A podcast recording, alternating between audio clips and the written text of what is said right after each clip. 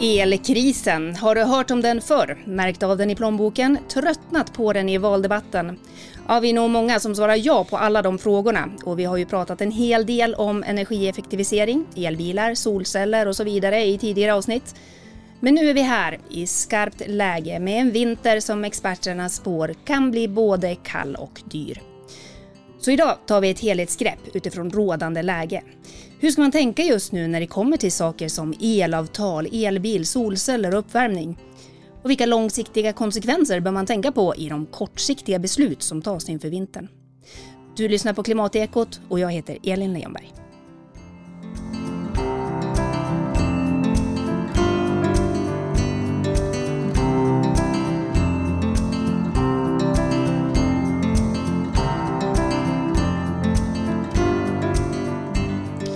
Och med mig i studion idag har jag inga mindre än energi och klimatrådgivarna Edvardo Pettersson och Torgny Fors.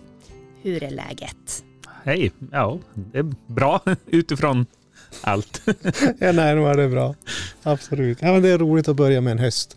Vi har mycket att göra kan vi väl lägga till, till, till introt du hade och det är väl inte sprunget ur ingenting, så det är ju också kul. Så.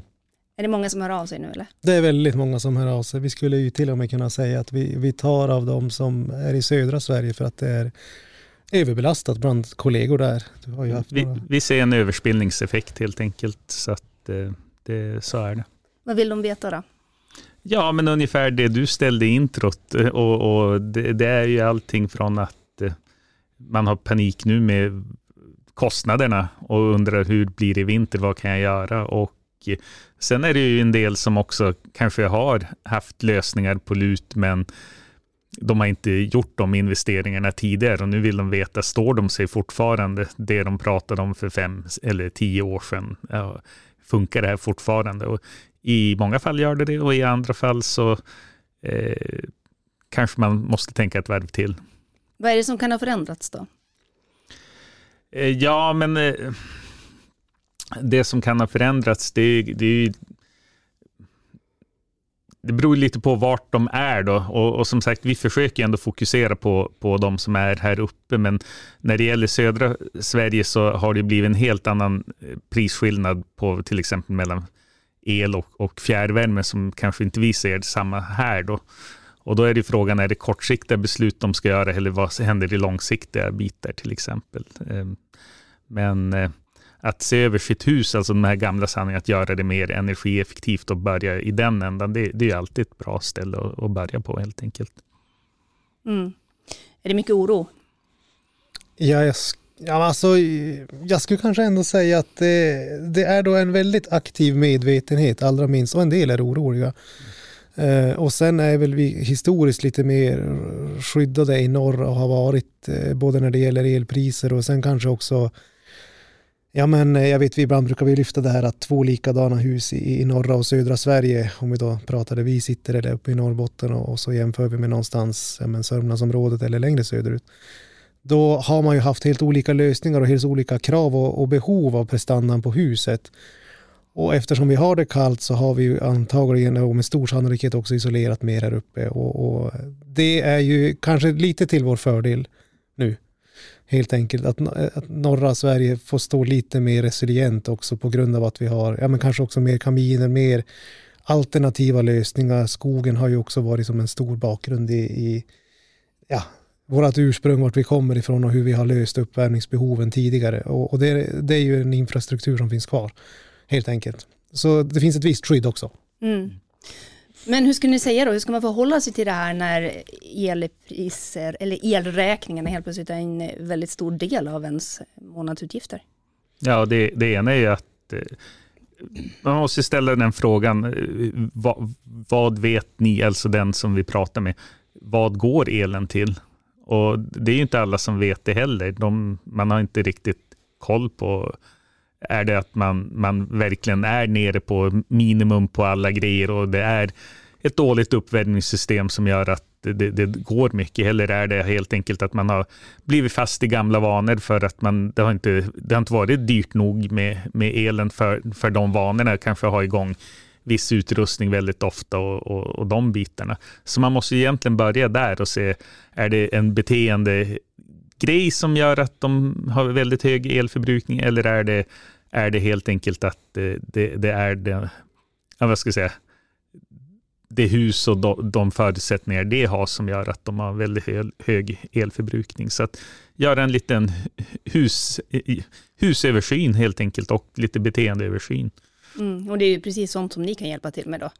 Mm. Ja. Jo, och jag, det vill jag också tillägga, där. jag tycker att ur allt det här ska man inte glömma bort det Ja, men kanske vi som har jobbat länge eller sett någonstans frammarsch och, och det många forskare kanske har pratat om också värdet av energi och vart det kommer ifrån och, och vad man kan göra med olika energiformer ställs ju på sin spets lite grann nu och det, det är inte bara dåliga saker som kommer ur det här året. Även om det blir en, en tuff vinter så, så, så, finns det något väldigt positivt i att vi ser över våra hus eh, och att man helt enkelt börjar titta på alternativa lösningar och får en relation till ja, men kanske hur bra det har varit men också liksom värdet av energi som blir eh, synligt på ett annat sätt som vi kanske har tagit lite för givet.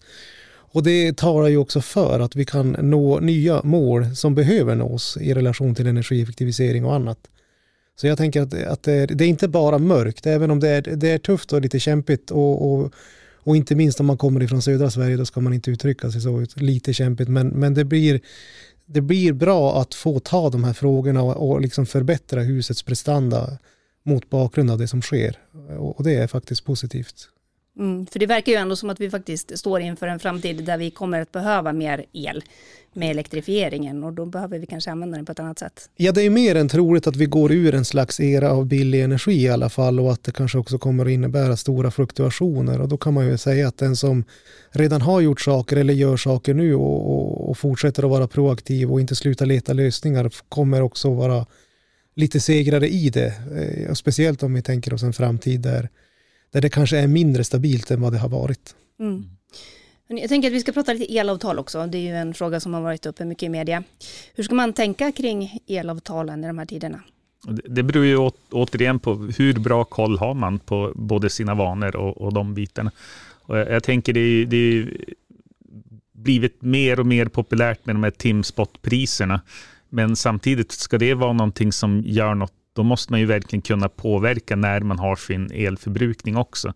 Är det nu värmen på huset som är den stora eller är det när jag använder spisen?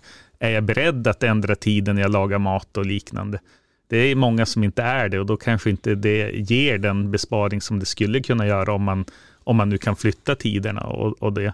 Och dessutom så är det lite osäkert att ja men, vart, vart kommer de billiga priserna hamna på dygnet? Det, ska man laga mat tre på natten, det, det kanske inte är görligt och helt enkelt. Och då, då, då kanske man ska se över andra alternativ istället i sådana fall. Sen kan man ju bara konstatera att nu med utvecklingen så har, har man inte ett fast elpris nu eller har något avtal sådär. Att binda på fasta elpriser nu, det är ju, det är en väldigt dyr eh, ja, det är dyra avtal helt enkelt. Så att egentligen är det inte så mycket, mycket kvar att välja på då än, en, ja men, kan man påverka eller ska man ta ett, ett, ett månads spotpris då mer eller mindre? Och det, det är väl ungefär där det är. Jag, jag skulle, ja, men om jag skulle säga två saker åtminstone ja. så tycker jag att det ena det är ju någonstans det här att fundera vad har jag kontroll över? Eh, och det här kan ju se olika ut om man hyr eller om man är ett företag och har man koll på sin fastighet etc. etc. Men har man, eller det man har kontroll över ska man ta kontroll över. Eh, och sen nummer två eh, tycker jag ett minimi är att man, man ska kunna svara på frågan vad har jag eller min familj eller företaget för årsanvändning. Eh, för då har man något att utgå ifrån och utifrån det börja leta sen vad, vad lever vi för liv eller vad har vi för produktion och, och det ser vi många artiklar om också där, där kanske större företag också ställer om sin produktion och ser att det är, det är också möjligt. Eller kan man matcha produktionen utan att påverka det man ska leverera och, och, den service man ska ge i relation till att, att se hur timpriserna ligger, då har man ju kommit ganska långt. För då börjar man ju lägga nästan två papper bredvid varandra, hur mycket jag använder kontra prisbilden och så kan man börja leta efter, efter lösningar egentligen. Men det kräver någonstans att vad, vad kan jag kontrollera och styra över och, och vad har jag mandat över? Eh, och det kan ju vara en familj också. Samma lika där, hur lever vi vårt liv inom familjen? Vad kan vi dra ner på? Vad kan vi ändra? Och den sista tredje skulle jag säga, det är väl det som vi kommer att prata mer om, men just det här att det kommer aldrig vara fel att, att minska energianvändningen, alltså att helt enkelt energieffektivisera och öka prestandan i fastigheterna. Och det är väl också ett av EUs största förslag i det mm. paket som är på väg. Mm. vi har ju pratat eh, i den här podden tidigare och man har förstått det ganska mycket, det, mycket i debatten nu också, det här med att vi måste försöka kapa, kapa topparna Eh, när det är väldigt hög elförbrukning och det är då man ser också att elpriserna går upp. Eh, vi, min familj som är lite nördig i det här, vi har ju då, men vi har ju solceller och vi har bergvärme och vi har elbil, så vi kan påverka väldigt mycket själva och vi har timpris. Eh, och då kan man ju styra väldigt mycket. Man kan styra när ska bergvärmen värma upp huset. Jo, men då sätter man det de billigaste timmarna på dygnet. Och sen så när ska maskinerna gå? När ska bilen laddas? Och så vidare. Man kan ju påverka otroligt mycket. Och sen kan man sälja när det är dyrt. När solen skiner mitt på dagen. När alla vill ha el. Och sen så köper man när det är billigt. Eh, och det blir ju, ser ju fint ut på pappret. Men när vi pratade om det här förut så vet jag att ni såg lite farhågor i det här med att om alla skulle börja göra så här. Ska, ska, ska, vi inleda med att säga att nu tar vi på oss spanings eh, och spekulationshattarna, men, men Svårt att sia. eh, nej, men alltså man skulle ju kunna tänka sig att någonstans, det är ju inte fel just nu i en, i en period där man har, om vi säger adaptiva system är i sin linda och vi kan börja liksom se smarta lösningar som, eh, ja men till exempel den, den lösning som du nämner här, att man man har kanske en, en lösning som automatiskt dockar mot eh, Nordpols liksom spotpris och handlar och styr och i en mer avancerat hus så skulle man kunna tänka sig att vissa maskiner styrs också automatiskt. Eh, det finns ju ett scenario om man tänker längre fram om det här blir ett mer etablerat system i en värld där energiutbudet minskar så kan man ju få något som kanske liknar men om jag tar exemplet med, med virke, eh, virkeshandel, liksom, där, där priserna liksom stört eh, stiger och, och dumpar väldigt, väldigt snabbt och, och antagligen supersnabbt i, i en elhandelsmarknad. Och då kan man ju resonera att, att, att där kommer det kanske att bli ännu viktigare att, att göra sig själv så lite sårbar som möjligt. Eh, och det kan ju handla precis lika mycket som att du nämner toppen, att man klipper den så skulle jag nästan snarare vilja säga att det kan handla mycket, mycket mer om att minska sin baslast. Vad består huvudanvändningen, alltså om du tittar på vad du använder, ja men om vi säger att det är två på natten och du inte går skiften och sånt där, alltså vad, de kilowattimmar som går när det e- egentligen inte finns någon verksamhet, om det då är ett företag eller det är hemma, vad är det som går då? För det är egentligen med största sannolikhet en större tjuv än, än toppen, även om du betalar kanske mer för den där toppen och och den kanske också infaller ju med, ofta med priserna morgon och kväll, då är det ofta högre priser i relation till att det är mera laster i nätet och sådär. Så, så jag tänker att det kan vara väl så värt att titta på den här bas, basmängden som hela tiden går.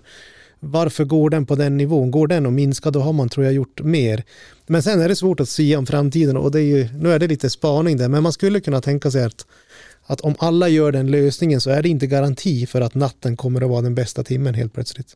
Men om jag då ska försöka förstå det rätt här, om vi tar exemplet med tvättmaskinen som går på natten. Mm. Då har jag tänkt att ja, men det är ju bra, det blir ju billigare plus att eh, vi konkurrerar inte om elanvändningen i samma utsträckning. Eh, det borde ju vara fint.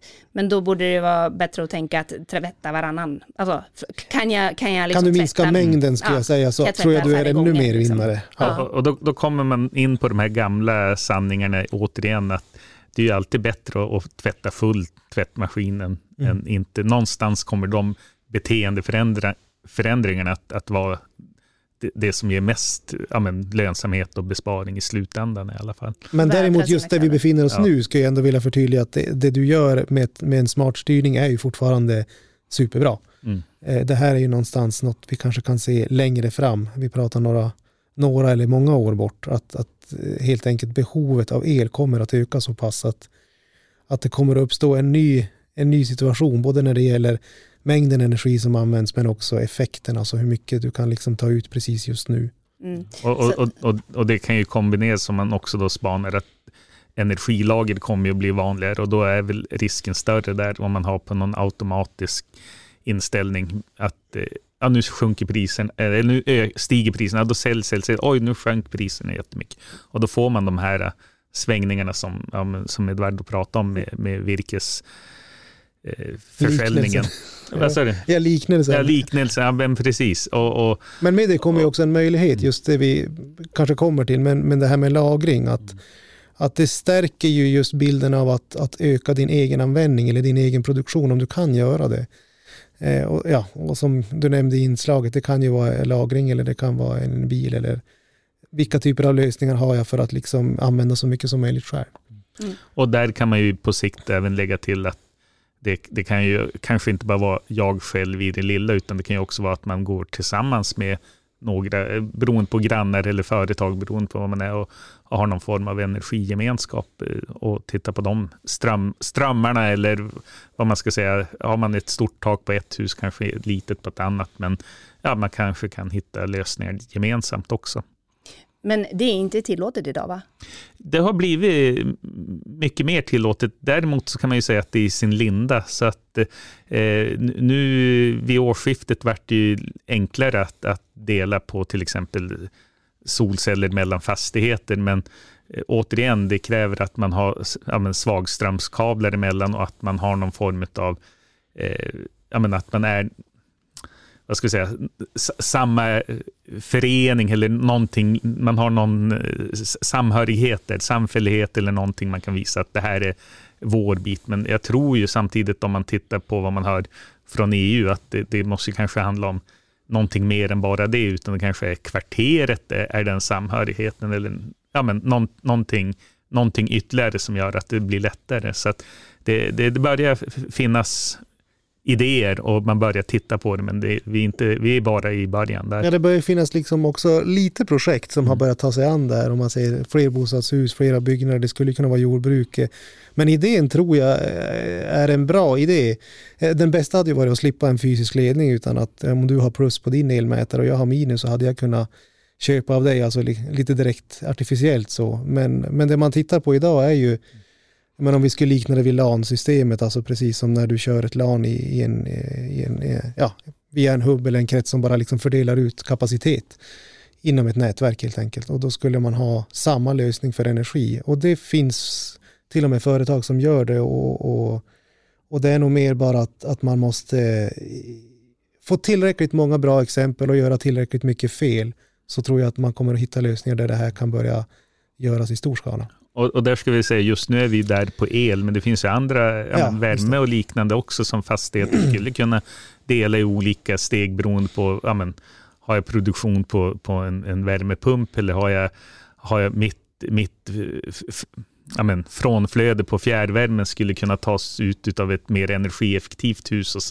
sänka liknande. Men där har man ju inte affärsmodeller redo och de bitarna, så att det, det är lätt att, att ja, men, Eh, jag, jag, tror att det kommer, men när? Och man måste även hitta ja, men någon, någon, form av incitament för att göra det också. Och, och, och, just nu finns det begränsningar hur, hur man kan göra. Men hela, jag tänker att hela den här elkrisen borde kunna vara ett incitament för att skynda på de här processerna, eller? Jag tror, jag tror också det, men jag tror att det inte är kanske primärt något som sker i närtid för att nu, nu, alltså det, nu blir det ju den här akutlösningsprincipen som är grejen. Eh, men däremot ganska viktigt att, att ta det i pauserna kanske om man uttrycker sig så. Men att när, när tiden sen liksom kommer för att liksom tänka mer långsiktigt så bör man nog se över ganska mycket av de här lösningarna för att det handlar ju också om att man har chans att, att nästan, höll på att säga, skapa demokrati och trygghet kring energifrågan och, och ju mer akutlösningarna blir ju mer blir det ju liksom de som har resurser, ekonomiska medel etc. som har fördelar kontra de som annars blir mer utsatta och inte har de här möjligheterna. Så jag, jag, absolut, det skulle ju vara häftigt att tänka att man har smarta fördelningar av energi i, i, i flerbostadshuslösningar där du helt enkelt inte behöver göra de här tunga investeringarna men ändå får man en, en, en, en mycket mindre elräkning och en bra fördelning av, av resurser. Mm. mm. Ni har varit inne på solceller och göra sin egen el. Nu ska vi prata om det. Mm. Ja. Eh, det är ju många fler som får upp ögonen för det här med solceller. Eh, och det är hög efterfrågan på dem just nu. Man ser att det dyker upp fler och fler tak med solceller. Är det rätt läge nu att satsa på det här? Alltså, där är ju problemet just nu att det är väldigt långa leveranstider. Å andra sidan, gör man en beställning nu så kanske man har det till, till våren med lite tur eller i alla fall till sommaren. Eh, så att på så sätt är det väl läge att göra det så, så, fort som möjligt för att det kommer att ta tid att få det levererat.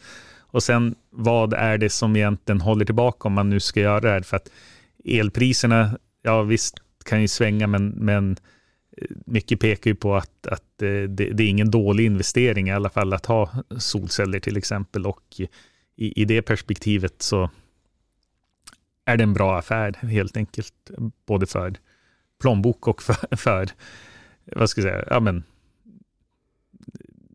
få in lite mer produktion i, i, i elsystemet helt enkelt.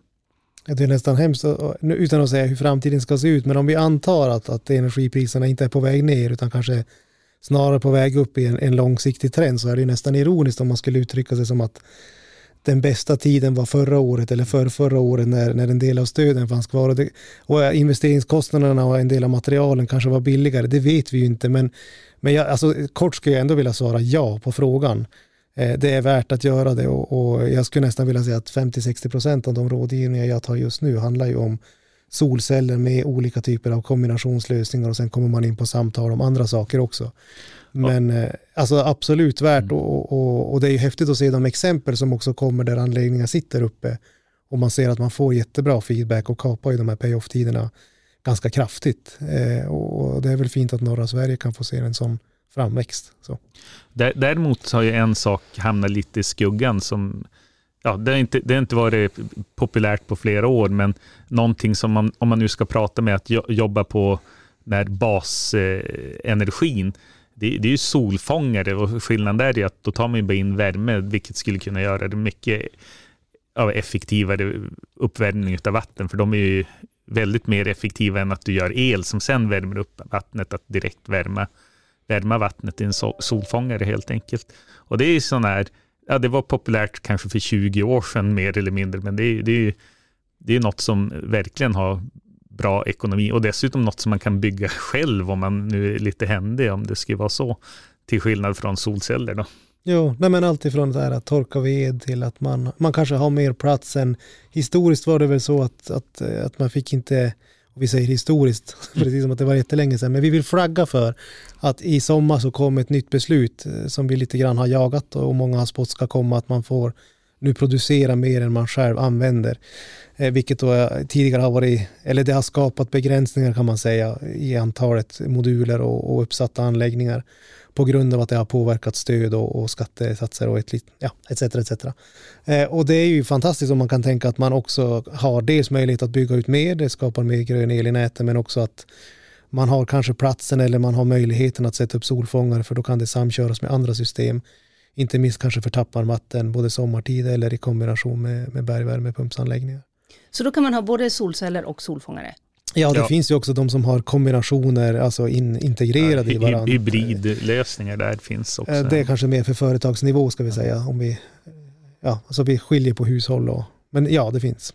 Mm. Men om jag då har, jag har en begränsad takyta och ska sätta upp någonting, ska jag satsa på solceller eller solfångare då? Eh, men och, och, återigen, det, det där är det är en bra fråga. Jag skulle ändå säga att om man, om man nu märker att man har ett basbehov så skulle solfångaren vara den alltså både ekonomiskt och effektivaste lösningen. Men som sagt, den har ju inte varit så populär lösning. Eh, så att eh, i, i det egna systemet så solfångaren är, är ju en bra idé. Eh, Ur perspektivet att el kan användas mm. på flest sätt Precis. av alla energiformer mm. så skulle så, det kunna vara att solcellen är bra. Och, och speciellt i kombination med att den kan ersätta väldigt mycket fossilkraft i form av transporter. Om vi nu tänker oss en värld där ja, men EUs krav på att bortom 2035 så producerar vi inga fossilbilar. Det är inte enormt långt bort, eh, speciellt inte om man står i valet och kvalet på att ja, men, ha någon slags eh, beslut kring en fossilbil nu och så ska man tänka den här 15-åriga traditionella kalkylen på dem. Eh, då är det ju absolut i, den, i det spannet att, att man kanske ska välja den. men jag tror vi vill framförallt lyfta att solfångaren har en, den har en plats i ett mm. system och har bara fallit lite i glömska. Så. Ja. Mm.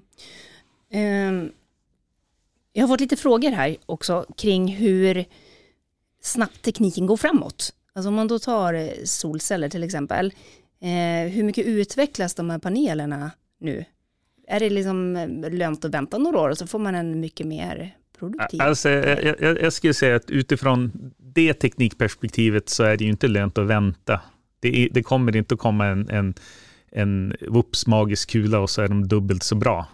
Eh, men ja, de blir långsamt bättre, men, men i det perspektivet att man skulle vänta in det, det, det, nej, det är inte värt att göra det, för det här är ju en långsiktig lösning. De här kommer att sitta 30 år på ditt tak minst. Och i det perspektivet, om du de väntar 10 år, så kommer det antagligen hända saker på de 30 åren de lever då också. Så att, eh, nej, jag, skulle säga att eh, det, Bästa, ja, men studier visar väl lite ja. grann att kurvan planar ut just när det mm. gäller det. Däremot kombinerade system runt omkring dem, alltså ja. lagring, växelriktare, andra saker, andra komponenter går, går framåt. Eh, så. Men, men just solcellerna i sig, där skulle vi nog inte säga att det är bra att få, få upp den på något sätt, få, få det att, att ske. Mm. Och nu ska vi prata mer om lagring och växelriktare. man ska ju välja en sån också om man ska sätta upp sin solcellsanläggning. Vad ska man tänka på i dagsläget då om man ska välja växelriktare? Hybridlösning ska jag säga. Ja, jag ska säga vi, vi via de utbildningar som vi får till oss har ju bland annat fått det, det rådet att, och det har ju att göra med att man kanske i framtiden också ser, och det är väl lite grann det vi resonerar nu, alltså vi ser möjligheten med att ha kombinationer av system och kanske inte enbart förlita oss på en energikälla. Det blir ju supertydligt nu när, när många priser stiger samtidigt att, att det kan vara bra att ha alternativ och man kan, kan rusta för det. Och med det sagt så, så går man och funderar på en elbil, man kanske funderar på lagring, man behöver inte ta beslutet nu, man behöver inte ha pengarna nu, men, men om man börjar med anläggningen för solceller, då skulle man kunna ställa den frågan att, att få ha en möjlighet att ha en, en hybridväxelriktare som är lite smartare och kan kan ha lite mer möjligheter att kombineras med, med andra system helt enkelt. Och då ska, ska man väl säga, med, med det menas ju att man kan koppla till ett batteri eller koppla till, till elbilen. Så att det är där hybrid, hybridlösningen är. Just det, för det kan du inte göra med en annan vanlig växelriktare så att säga. Nej, och så kan det finnas begränsningar i antalet strängar och hur, hur, hur liksom själva anläggningen byggs på taket. Det, det öppnar upp för lite mer möjligheter och anpassningar kanske man kan säga också. Mm. Men hur, tidigare när man har pratat om batterilagring så har det känns som att det ändå har legat ganska långt fram om det kommer till att när man gör den ekonomiska kalkylen på det hela. Har det, håller det där på att förändras? Ja, men alltså om man ser just nu så kan man ju säga att Eh, då säger man att i södra Sverige så är det, ju, är det ju värt att ha batterianläggningen. Här är det ju kanske inte riktigt så att vi ser det än, men å andra sidan så ska man återigen sia så tyder ju allting på att, att det, det, kan vara värt att skaffa dem i alla fall.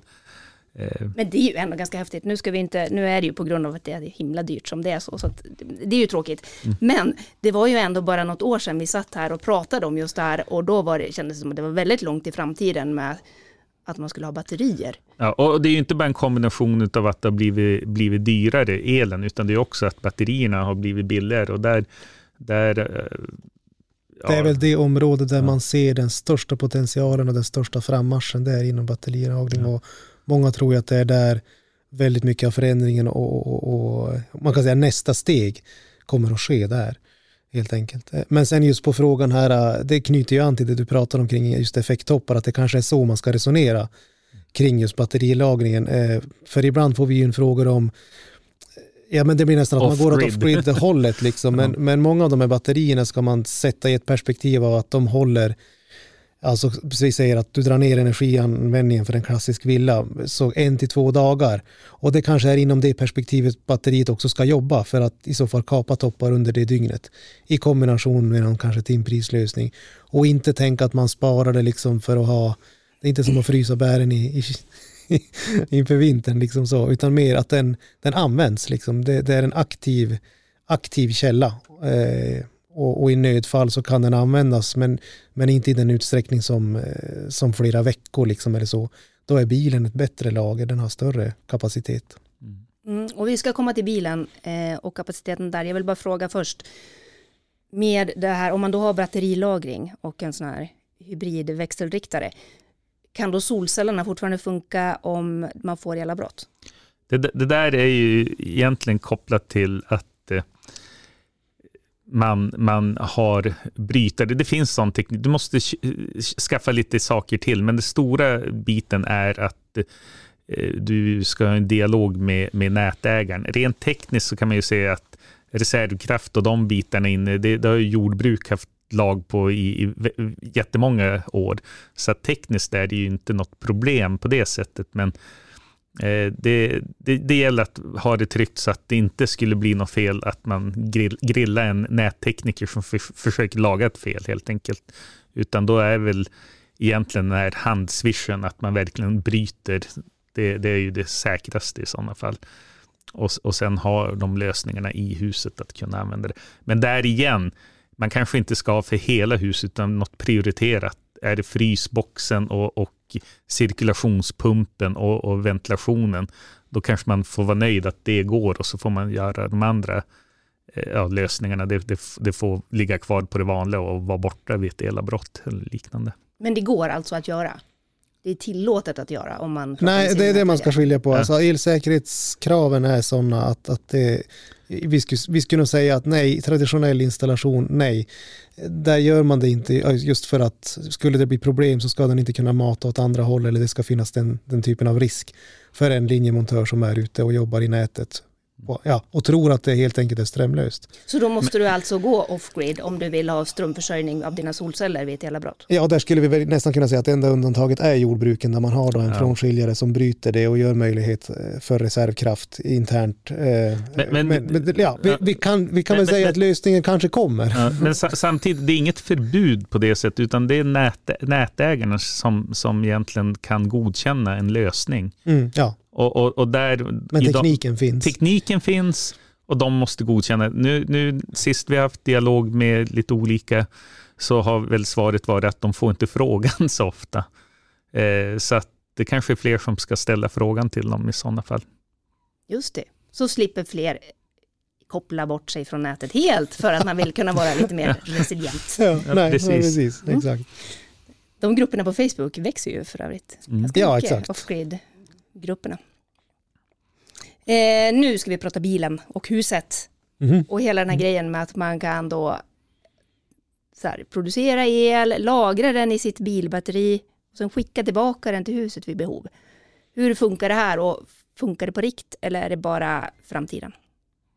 Man får väl säga att det hör framtiden till men att just nu produceras ju bilar Eh, och det kommer ju fler och fler där man helt enkelt gör förberedelser för att kunna använda bilen som ett batteri och kunna tanka ur den helt enkelt vid behov. Om och man tittar också på lösningar att använda det i ett slags samhällsperspektiv, inte bara till ett enskilt hushåll. Där samma möjlighet skulle kunna finnas i ett eh, ja, men parkeringsgarage eller annat.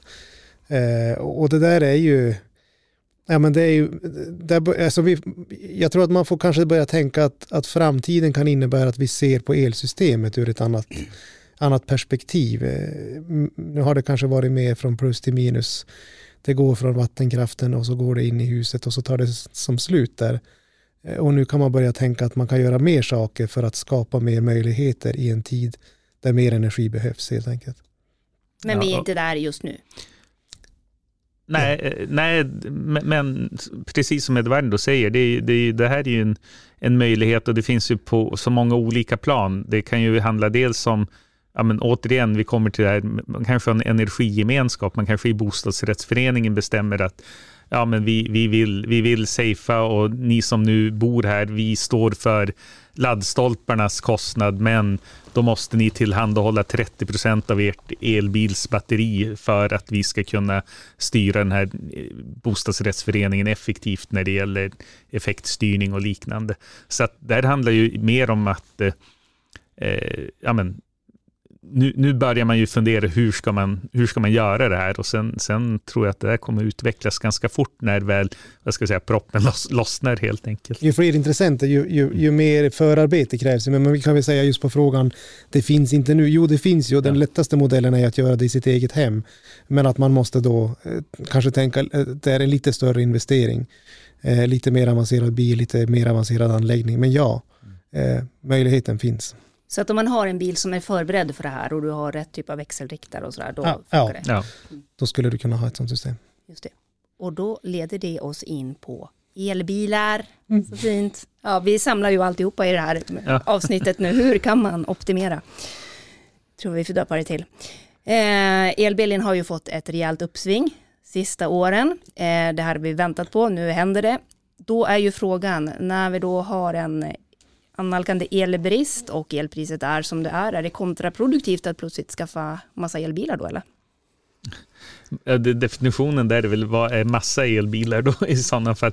Men man kan se det ur flera perspektiv. Det går ju massa el för att vi ska underhålla vår, våra fossila bränslen också med, med pumpar och med, med raffinaderianläggningar och liknande. Så det, det, är ju det är en, en sida av det myntet. Sen kan man väl se det så här att eh, det, det är ju ändå både energieffektivare och billigare att köra på el än, än på bensin, även med de här dyra priserna.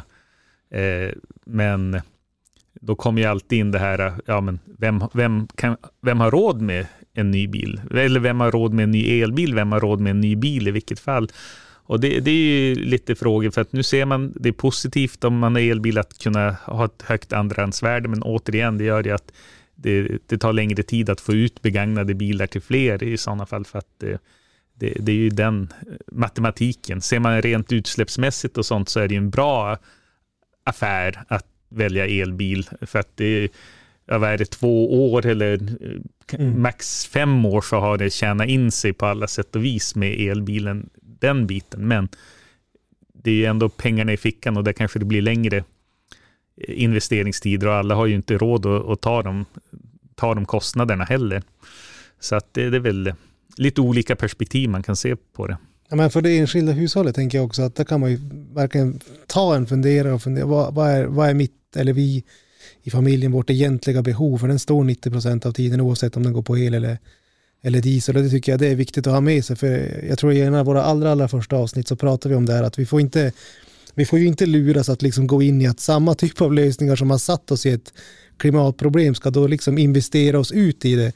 Och så ökar den globala bilparken till mer än en miljard bilar. Utan, utan det optimala skulle ju då vara att man på samma gång som man ställer dem, för alternativen är ju inte så himla många om man tittar på den fossila sidan.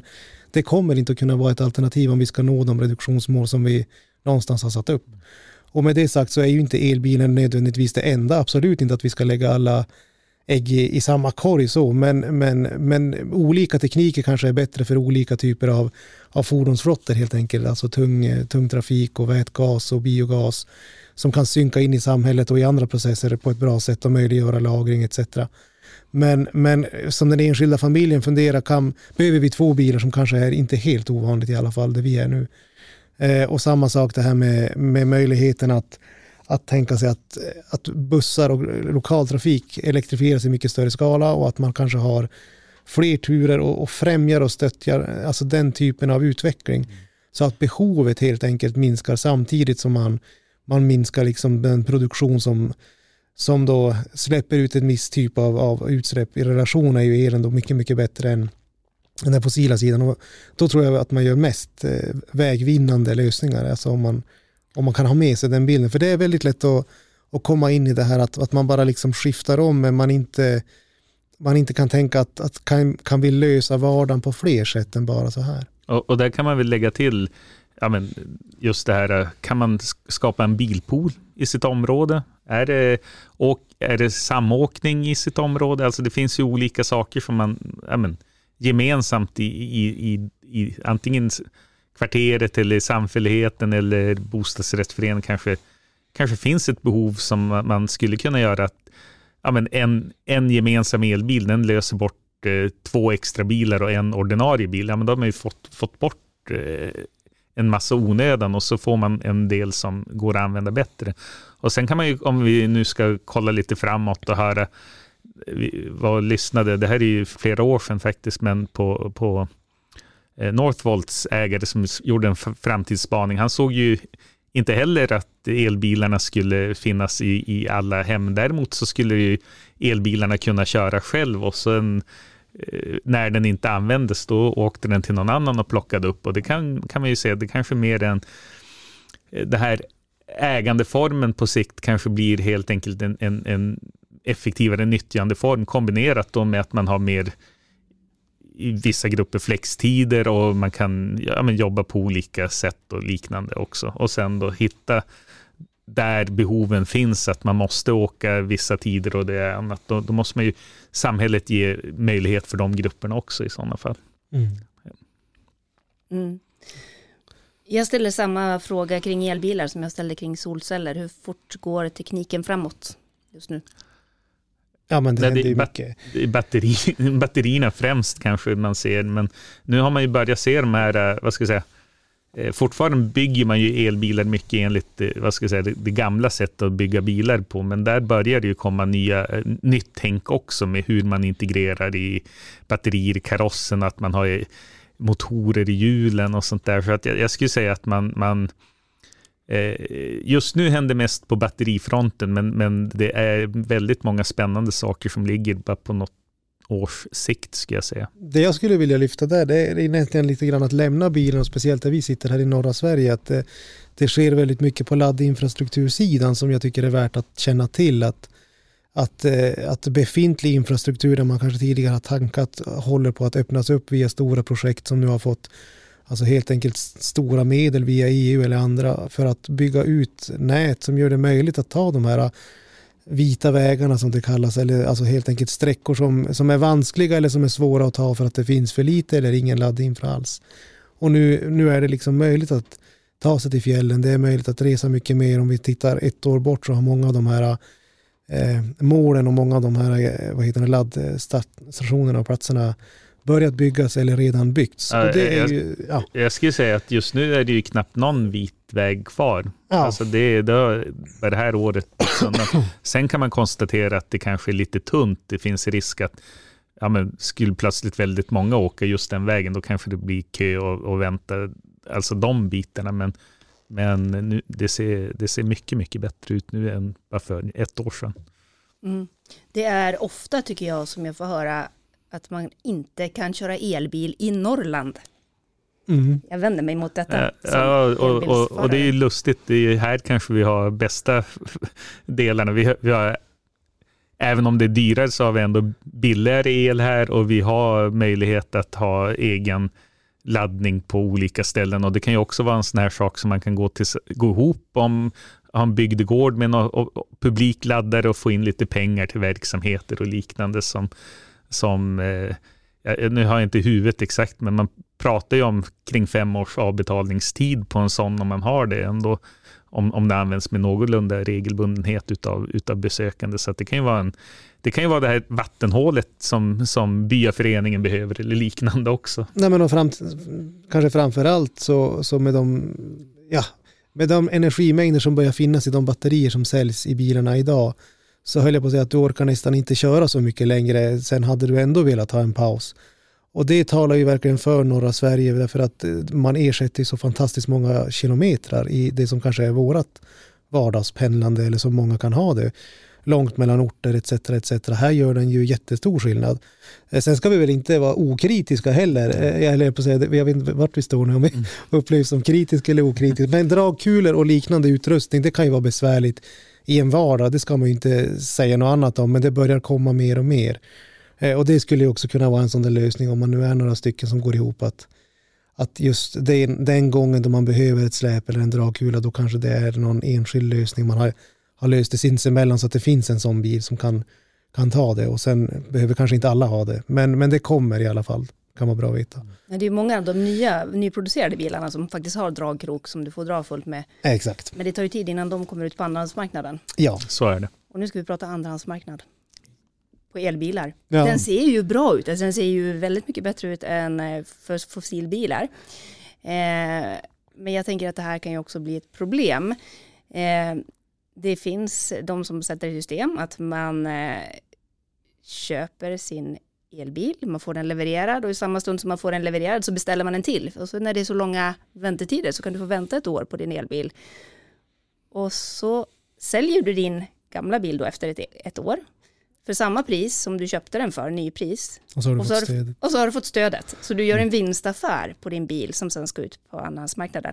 Jag tänker att, vad tänker ni kring det här? Nej men jag, jag tänker att det är ju hemskt synd att det, att det går att göra sådär. Och det är kanske inte det som var tanken med, med att ge stödet på det sättet. Eh, nej men, eh, ja, det, jag, vet, jag, jag har inga bra svar för det där. Men det som, enda trösten är väl att det är bra att det kommer ut och finns en andrahandsmarknad och att den kanske konkurrerar lite grann. Eh, ja, konkurrerar, men men om man nu tänker liksom att prisbilden sakta men säkert går ner på grund av att fler bilar görs så ska det ju ställas i relation till eh, vad de fossila bilarna de motsvarar som på något sätt blir så småningom strandade tillgångar. Kanske speciellt där vi står just nu. För nu börjar vi vara någonstans där det är inom en 15-årsgräns fram till 2035. Så så kan man ju också resonera i vägvalet. Men nej, jag har, alltså det är ju under all kritik vill jag väl säga. Det är ju hemskt synd att det går att göra. Ja. Ja, för jag tänker att det är på två vis. På ena sidan så får du ut fler elbilar på Ja. marknaden som sagt. Eh, för du tar ju ingen ekonomisk risk när du gör det. det kostar inga, de, du behöver ju inte betala någonting när du beställer en bil. Det gör du ju inte förrän du hämtar ut den. Nej, eh, men samtidigt så blir det just det där som vi pratar om så ofta med andrahandsmarknaden. Att fördelen med att det kommer ut bilar som faktiskt är lite lägre i kostnad på. Ja, jag, jag vet inte hur man skulle styra det där med, med någon ny form av krav kring hur en andrahandsmarknad ska se ut. Men det är ju hemskt eh, känsligt och svårt känner jag. jag. Ja, jag har inte helt bra svar hur man skulle... Jag, jag, jag tänker också, det, det är nog det. många som har väldigt bra idéer. Jag tror att jag tror egentligen inte vi kan, bolla av alla idéer som finns på det, men däremot så måste man nog se över, över det där så att det blir hur, hur, få, hur få ut mer ja, men, bilar som, som man har råd med när man då kanske inte är den grupp som köper ny bil i vilket fall utan ska ersätta en, en begagnad bil med en begagnad bil. Och när har vi kommit ut längst ut i ändan med tanke på den tid vi, vi har för att ja, men, nå klimatmål och, och liknande. Så att, Det är lätt att se skärpningar i de gröna stöden kopplat till fastighet eller personnummer eller liknande. Mm. Som kanske skulle i alla fall begränsa den möjligheten eh, inom ett visst spann. Det skulle ju kunna vara en treårsperiod eller något liknande. Mm. kopplat till ett leasingavtal eller vad som helst. Jag vet inte vad som skulle vara en lämplig gräns, men så skulle man ju kunna komma åt det i alla fall. Och, och, och sen är det ju tyvärr så här, den som är fi- finurlig brukar ju oftast hitta nya finurliga lösningar. så, att det, så är det med allt. Ja, Så är det med allt. ja, då tänker jag, nu har vi pratat elbilar, vi har pratat solceller, batterilagning. Eh, Det finns ju många olika saker man kan göra. Eh, Det är långa leveranstider om man nu kommer på att man vill ha en elbil eller en solcellsanläggning eller så. Och det är klart bättre sent än aldrig. Men inför den här vintern vi står inför nu då. Det som diskuteras ständigt och som många pratar om. Vad ska man göra för att klara vintern? det är synd att Ja. vi inte spelar in om en vecka höll jag på att säga, för att nu har vi ju ett stort förslag ifrån, kommer ifrån EU som skulle vara väldigt spännande att ha tittat på innan. Eh, som kommer kanske ha stor betydelse, inte minst för södra Sverige, just utifrån de enorma liksom, krav på lösningar som finns och akuta lösningar. Där man liksom tittar på eh, hur vi kan helt enkelt få ner prisbilden och hur vi kan använda mindre energi i hela Europa. Eh, och, och där vill man ju liksom ge nu allra minst fem med ganska stora omfattande lösningar som, som väldigt många är överens om. Men en av dem som vi vill lyfta tycker jag, det är ju just det här med att använda mindre energi helt enkelt. Och så mycket som möjligt av den egenproducerade energi som du kanske har använder du själv. Och vad mår om det. Jag tror att det kommer att vara en, en, en grupp som, kan man öka sin egen användning så mycket som möjligt av den gröna produktionen så tror jag att man kommer att gå, eller ligga bra till även om 15 år. Så. Ehm, men det kanske inte var frågan höll jag på att säga. Men jag vill kommentera att vi, vi, har, vi står i ett läge just nu som är lite spännande. På global nivå. Eller på europeisk nivå. Och, och vi har ju pratat lite grann, alltså det är ju många vad ska jag säga, enkla lösningar man kan jobba med. Alltså behöver, hur, hur ofta tvättar jag? Tvättar jag med full maskin? Hur ofta diskar jag? Diskar jag med full maskin? Eh, och, och det är ju återigen mycket beteendefrågor och och det är det kanske svåraste att jobba är ju att jobba med sig själv och hitta de där bitarna och, och samtidigt är det ju ja, är det så mycket besvärligare att, att vänta en halv dag eller en dag extra med att köra en full maskin istället? Och då kan man ju fundera, men kan jag sänka värmen på maskinen också? Kan jag tvätta i 40 istället för 60 grader?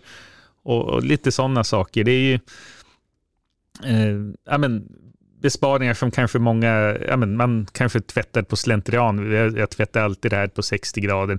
Ja, och, och, man kanske vill döda av vissa bakterier med högre temperatur i vissa klädesplagg emellanåt, men man kanske inte behöver göra det exakt varje gång, utan de kommer bli rena i alla fall när man tvättar dem och sen kanske man tar varannan gång då i 60 grader eller något liknande, den man brukade tvätta 60 grader. Nej men apropå temperaturer tänker jag också att på, på europeisk nivå i stora städer nu går man ju ut med att försöka framförallt sänka temperaturer och, och vi själva har ju fått direktiv från statliga byggnader, dels att jobba med hur vi kan minska energi men också att dra ner själva energianvändningen. Men sen också så mycket som möjligt tänker jag, alltså i, i om vi säger privata hus och villor, Alltså försöka öka det som kallas husets energiprestanda, alltså att huset blir mer och mer likt en dunjacka, Ha mindre förluster helt enkelt, så mycket som möjligt och så bara börja ge sig på de här olika in, infallsvinklarna och områdena som finns. Och, ja, men alltså, elektroniken, belysningen, ventilationen, kan det samköras med andra system som jag redan har så kan man minska kostnader där.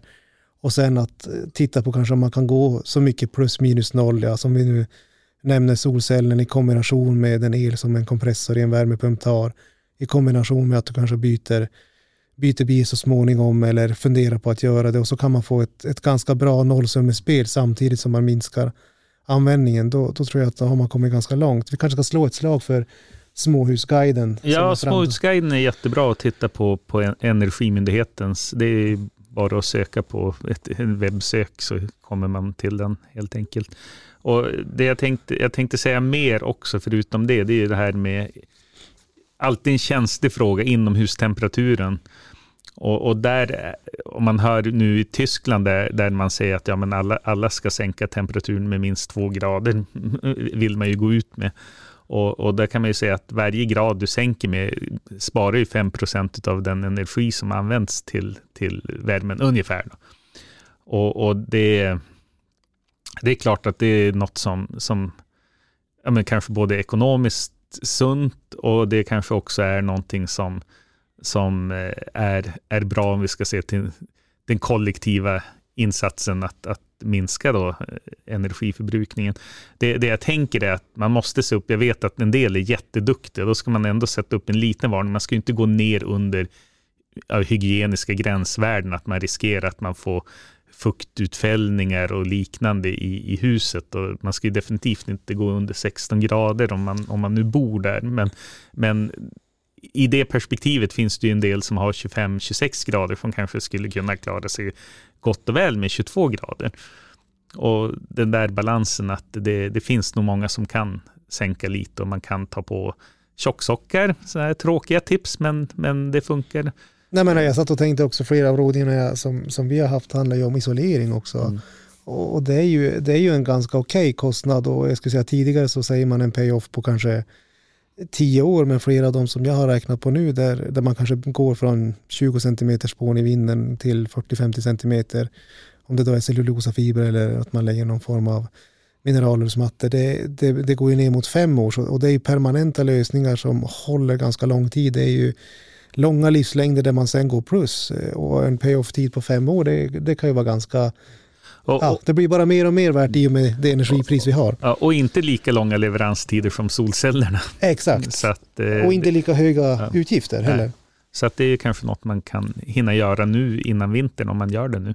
Så tilläggsisolering, det får vara liksom ja. slutorden här då, eller så här. Ja, nu, nu, ska vi göra det roligt med tilläggsisolering. Ja. ja men det låter ju faktiskt ganska bra payback på fem år. Ja. Mm. Så det, ja, nej, men visst är det, ja, de små grejerna och så sen se, se vad man kan göra utöver det som är acceptabelt inom, inom tiden och inom budgeten. Mm. Spännande. Kul att få ha er här igen. Eh, för dig som har lyssnat och vill eh, grotta ner dig ännu mer så har vi ju de eh, äldre inspelade avsnitten om elbilar och solceller och vad du ska tänka på. Vad säger ni? Vi, vi har ju uppdaterat lite grann nu det som kanske var inaktuellt i de programmen, men i, i stora drag så är väl de programmen fortfarande ganska Ja, men jag Ja. tror inte, vi, vi har inte resonerat annorlunda. Det, det är bara kanske att eh, ekonomin av att göra det är bättre nu för att det är dyrare energi mer eller mindre. Eh, och leveranstiden är längre som de inte var tidigare. Det är väl de två stora sakerna som skiljer. Ja, nej, men också att man kanske kollar mer på att man har kombinationen av lösningar, tänker jag. Det kanske inte vi har pratat lika mycket om tidigare. Mm. Eh, och att det får, får komma fram nu på ett sätt som, som jag tror kommer att synas mer och mer. Spännande. Lyssna bakåt i tiden så får ni många, många bra tips på hur ni får mer pengar i plånboken och mindre elförbrukning. Återigen, stort tack för att ni kom hit och tack också till dig som har lyssnat.